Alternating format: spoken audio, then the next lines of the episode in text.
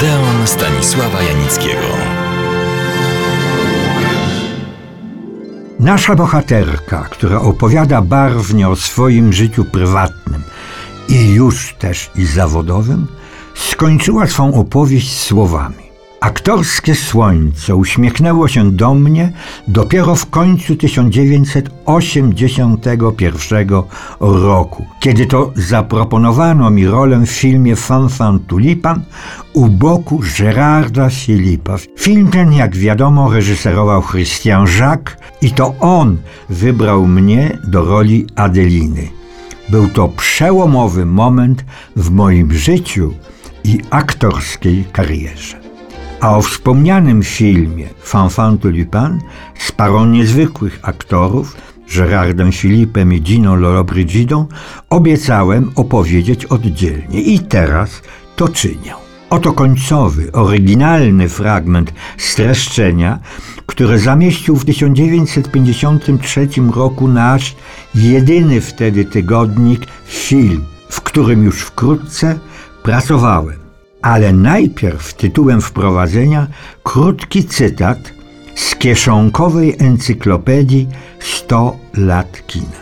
Komedia kostiumowa z gatunku płaszcza i szpady żywiołową kreacją Gerarda Filipa w roli tytułowej. Dowcipnie opowiedziana kariera plebejusza na tle Francji Ludwika XV i prowadzonych przez niego wojen. A teraz trochę dokładniej. Wersja tygodnika film. Zostawiliśmy fanfana tulipana w tragicznej sytuacji. Wisiał nad jego głową wyrok śmierci. Zakochana w wojaku Adelina zdołała jednak uprosić króla i uratowała mu życie. Przyszła za to podziękować Ludwikowi XV, lecz kiedy ten począł ją napastować, uderzyła go w twarz. Opór biednej dziewczyny zdumiał i rozzłościł króla. Ale zadość uczynić swemu kaprysowi, rozkazał on swemu kamerdynerowi porwać Adelinę i przyprowadzić ją do pałacu. Nieoczekiwanej pomocy udzieliła nieszczęśliwej dziewczynie Madame Pompadour, ukrywając ją w klasztorze. Ale kiedy Fanfan dowiedział się, że Adelina znajduje się w niebezpieczeństwie, postanowił udaremnić niecne intrygi i znów stanął do walki. Tym razem w obronie ukochanej. Po wielu perpetiach Fanfanowi udało się wyrwać ją z rąk królewskiego sługusa. Trudno byłoby opisać tysiące przygód, jakie zdarzyły się przy tej okazji. Oto Fanfan w pogoni za Adeliną dostał się przypadkiem do głównej kwatery wroga. Wziął do niewoli marszałka Bramburga i doprowadził do tego, że zdezorientowane wojska nieprzyjacielskie poddały się bez walki. W ten sposób, dzięki Fanfanowi, trwająca od lat wojna zakończyła się przypadkowo i bez żadnych ofiar ku radości żołnierzy. Tylko marszałkowie byli z tego niezadowoleni.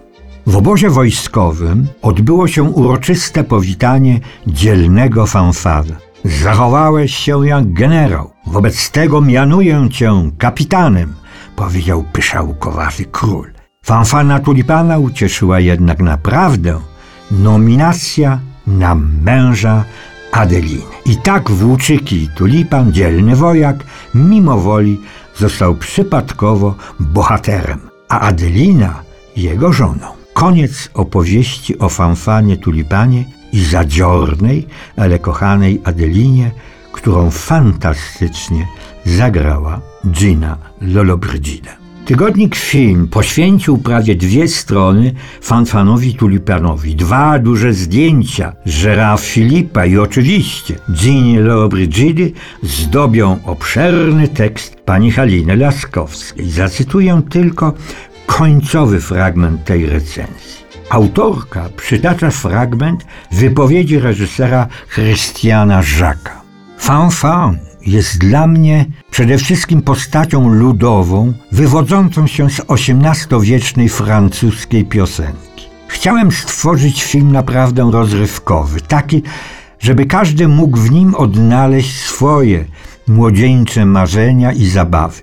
Chciałem tak, żeby film był satyrą na wojnę. Sądzę, że udało mi się tę tendencję wydobyć. Śmiech rozbraja. Nie miałem tak wielkich ambicji, by rozbroić nim mocarstwa, ale chciałem, i to mi się na pewno udało, rozbroić cenzurę.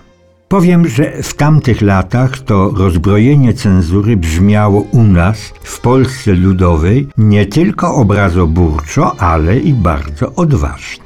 To klasyczny przykład, jak nawet rozrywkowy film może spełniać wcale poważne zadania. To ciekawy temat. Chyba do niego jeszcze powrócę. A teraz zapraszam do następnego Odeonu. Niech jego treść pozostanie przez tydzień tajemnicą.